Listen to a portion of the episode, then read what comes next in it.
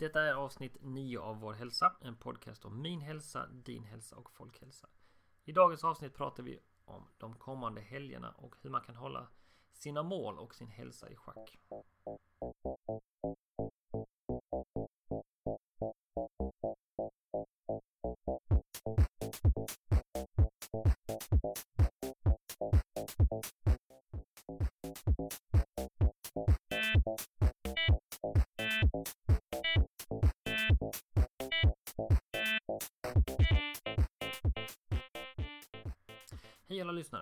Andreas här och välkommen till Vår Hälsa.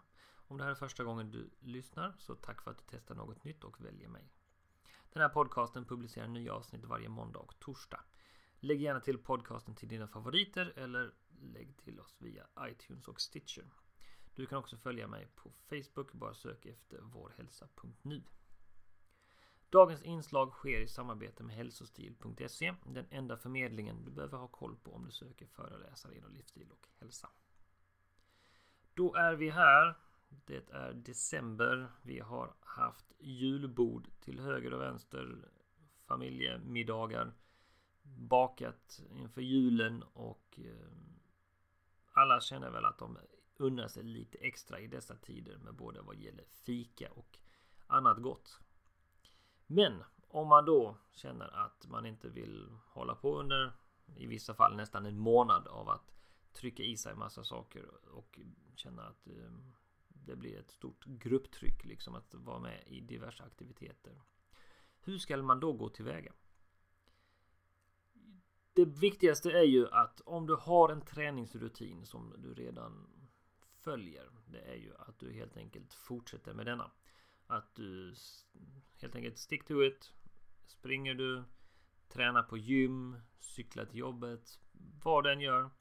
Så ser du till att du bara till att börja med blir vid att utföra dessa rutiner. Du kommer att eh, behöva förbränna det du stoppar i dig och du kommer att ha tillfällen då det blir tajt att hinna med att eh, utöva den aktivitet du önskar. Men försök verkligen för det är faktiskt en del av det. En annan viktig del är ju att eh, det kommer oundvikligen vara tillfällen där du står inför en mängd rätter att eh, konsumera. Och då är det ju viktigt att du tänker på att se till att du under dagen när du vet att okej, okay, idag har jag en julfest med jobbet. Att du ser till att uh, hålla din vattennivå i kroppen ganska hög så att du liksom dricker eh, den mängd vatten du behöver under en dag. Och eh, inte slarva med det. För att det kommer dels att göra att du är förhållandevis eh, mätt så att säga. Inte bara att du har druckit vatten. Du ska naturligtvis äta frukost och lunch också så att säga innan julmiddagen. Men dricker du vatten så kommer ditt sötsug till exempel att vara allting från litet till obefintligt. Då kroppen har fått det den behöver så att säga. Va? Vilket gör att det blir lättare att låta bli allt ja, det farligt goda på julbordet så att säga. Va? Det är också viktigt eh, när, du väl då hamnar i en situation att du ska äta massa god mat att försöka stålsätta sig och helt enkelt gå in för att äta små portioner av allting. Vet du om att du den här veckan har tre julbord då behöver du kanske inte äta prinskorv och köttbullar för ett helt kompani på måndagen när du sedan även har julfest onsdag och fredag. Välj liksom att eh, ta det lite försiktigt med det. Och det är ju ingen som blir glad eller mår bra om man går ja, går för långt och överdoserar på något av detta så att säga. Va? Utan se då till att du följer en plan att okej, okay, jag ska hålla mig till de här rätterna och jag ska äta så här och så här mycket för att det kommer få mig att må bra. Så att säga. Är du i en situation där du ska arrangera någon typ av julmiddag, julfirande. Testa gränserna lite, våga utmana folks tankar och idéer och försök att eh, experimentera med lite kanske hälsosammare men fortfarande goda alternativ. Med det menar jag liksom att om man då är van vid att man kör mycket goda marsipan, godis och eh, annat hemmagjort. Va? Försök att se om inte du kan hitta någon typ av sockerfria lussebullar. Du kanske kan eh, på något sätt ah, börja experimentera med någon typ av chokladbollar alla raw food style så att säga. Va? Eh, du kanske hittar något annat fantastiskt recept på pepparkakor på något sätt som är sockerfria eller någonting som fortfarande smakar gott.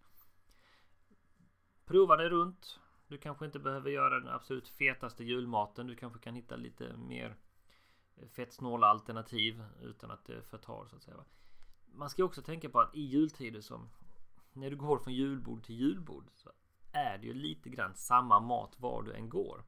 Och då kan ju faktiskt ditt julbord vara det julbordet som folk kommer ihåg därför att du vågade testa någonting nytt. Det är ju inte så att det står skrivet i någon text någonstans att vi skall äta så att vi mår dåligt utan det blir ju så för att man umgås med folk, man pratar, man glömmer lite grann bort vad man äter. Bra tips är liksom då att fokusera verkligen på att okej, okay, nu äter jag. Hur ska jag äta och hur mycket eller hur lite behöver jag äta av olika saker för att jag ska må bra. Du känner din kropp bäst. Du vet någonstans vad, ska man säga, vad du tål. Och därför kan det vara värt att du helt enkelt försöker hålla lite kontroll på vad du, du äter. Du vet att du kommer att må bättre av det i efterhand. Så att säga.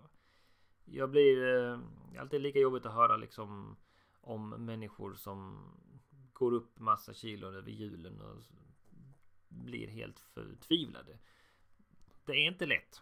Det är väldigt mycket godsaker som rör sig där ute i jultider. Va? Och alla mår bra. Har man tur så är det lite snö och det är lite mysigt. Alla vill mysa. Och trenden är ju tyvärr på gott och ont i samhället att eh, man ska ha massa gott när man myser och eh, vi har ju fredagsmys som har ju tagit över att man ska äta massa feta chips. Och sen har vi lördagsgodiset som också är en mysig tillställning och det är ju ganska klassiskt med en godispåse så att säga. Va? Det handlar det då om att försöka stålsätta sig och eh, hitta alternativen. Det finns många fantastiska kaféer som man kanske kan gå och fika på ett jag vet inte, någon typ av raw food café där som har sockerfria och eh, hälsosammare kakor till exempel. Du kanske kan hitta något bageri eller något konditori som experimenterar med kakor och bröd som inte är så sockerstint så att säga. Va? Vörtbröd exempelvis har ju till exempel mellan 5 och 6 procent socker i sig. Det kanske går att hitta någon som experimenterat med vörtbrödet så att säga. Va? Så att det finns ett betydligt socker eh, vad ska man säga, socker, ett mindre sockervariant av detta så att säga. Det kanske finns ett vörtbröd som inte alls har så mycket socker i sig och då kan det vara värt att testa detta. Det finns jättemycket recept där ute. Man gäller bara att man vågar sätta sig ner och googla och så kommer man att hitta de sakerna som finns. Det finns jättemycket hjälp att få av andra som har varit i samma situation. Julen är inte en lätt tid. Det vet jag själv liksom. Det, man måste verkligen stålsätta sig. Det är god mat överallt. Och eh, Många låter ju också liksom eh, Nyår blir ju också en sådan tillställning där man gärna vill njuta av livet i goda vänners lag och man äter mycket. Det är mycket smågodis. Eh, nyårsaftonen är väl mer förknippad med att man konsumerar lite mer alkohol. Är man hemma hos familjen så är det oftast inte så mycket men många har ju gå ut med vänner och annat och konsumera mycket alkohol och annat. Och eh, är du en person som i det här gänget tränar eller av några olika skäl inte vill dricka alkohol eller äta massa godis. Bara stå på dig. Våga vara den som är annorlunda i detta och du kommer att tacka dig själv. När nyårsdagen kommer alla beställer stora feta pizzor för att kroppen skriker efter det efter gårdagens alkoholkonsumtion. Så kanske du bara vaknar, tar ett glas vatten och äter en vanlig fin hälsosam frukost. Och så har du faktiskt redan börjat det nya året betydligt bättre än vad många andra gör.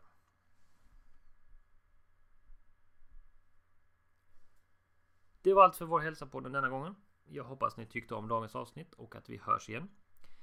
Ha nu en riktigt bra dag och glöm inte bättre hälsa börjar med ett beslut. Ditt.